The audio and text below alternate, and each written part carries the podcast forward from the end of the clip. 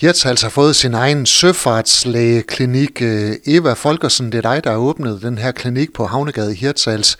Hvorfor skulle det lige være i Hirtshals? Det er fordi, at øh, jeg er kommet herop i altid, øh, siden jeg var baby. Og øh, jeg tager på ferie herop, og jeg, jeg har altid, hvad vil jeg sige, i måske kun 5-6 uger om året, men jeg kunne godt tænke mig, at jeg har noget mere. Så øh, jeg vil gerne prøve at være her ekstra tid og øh, være i mit sommerhus i Tornby, og så være hernede på havnen. Jeg er meget fascineret af havnen, øh, og også byen op i Hirsals. Så, så tænker jeg bare på, at der skal der være en søfartslæge i Hirsals, så det er bare noget, jeg prøver af, og jeg aner ikke, om det kommer til at fungere.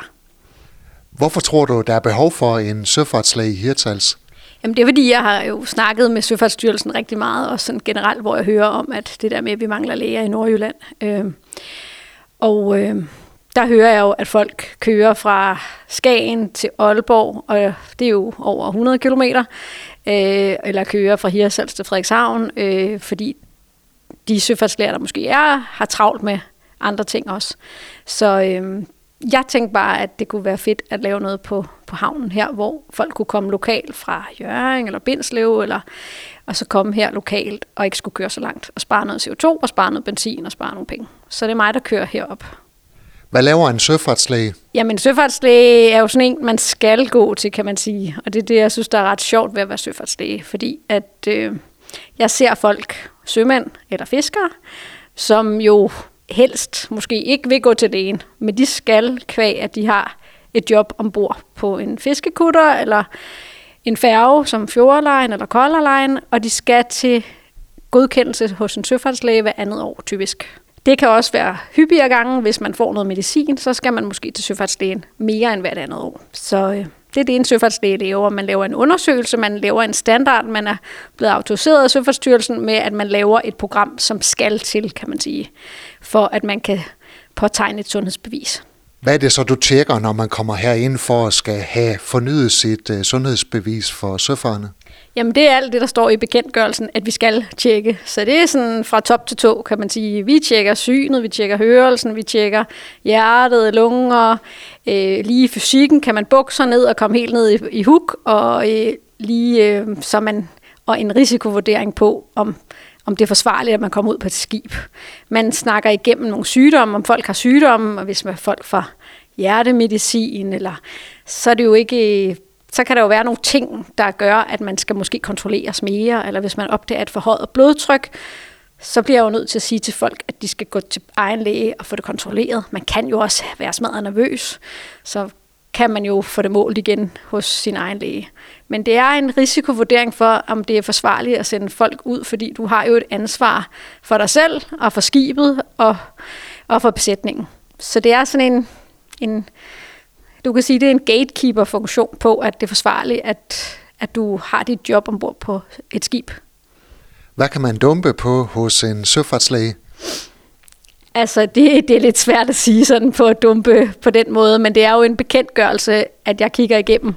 Og hvis man har nogle diagnoser og sådan nogle ting, og man får noget, måske noget medicin, så kan det godt være, at søfartslægen siger, at man skal have en udtalelse om, det kunne være en psykisk lidelse, det kunne være ADHD, der er det også rigtig vigtigt at få at vide, om, om man har et okay funktionsniveau. For der er der jo faktisk mange, der trives med at sejle, der har ADHD.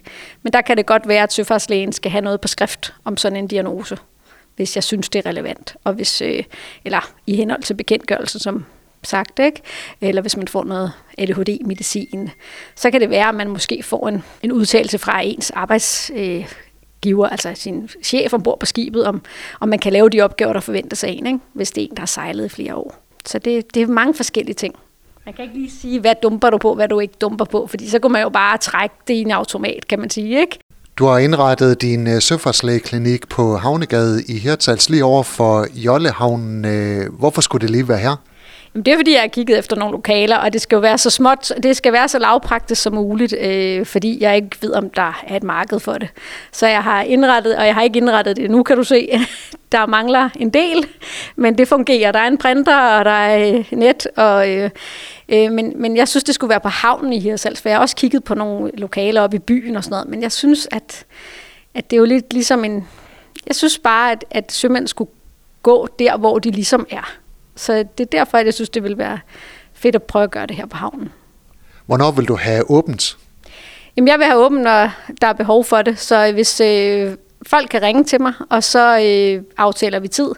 Og så er, der, er jeg typisk oppe en uge ad gangen. Øhm, så i alle de dage, så vil jeg tage alle dem, der måtte henvende sig.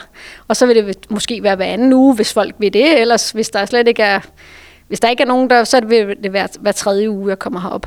Kan du sådan øh, samle sømændene i, i klynger og så tage en, en hel stak på en dag? Det kan du måske svare mig på. Det ved jeg ikke, om jeg kan. Men jeg synes, at øh, nordjyder allerede nu virker lidt mere, som om de planlægger lidt flere ting end københavner. Fordi københavner, de ringer altid i sidste øjeblik. Jeg skulle faktisk have haft min blå bog i går. Ikke? Jeg synes faktisk, at det, jeg er allerede blevet ringet op af en færgefører, der er et eller andet sted. Nu siger jeg ikke nogen farvand, men, men øh, han har allerede ringet og booket en tid i maj måned, for han vil gerne være god tid.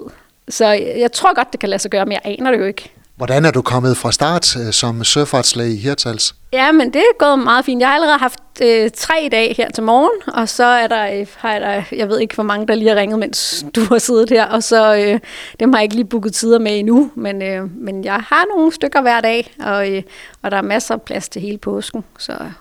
Og det har skabt stor opmærksomhed. Du har også haft besøg af TV2 Nord.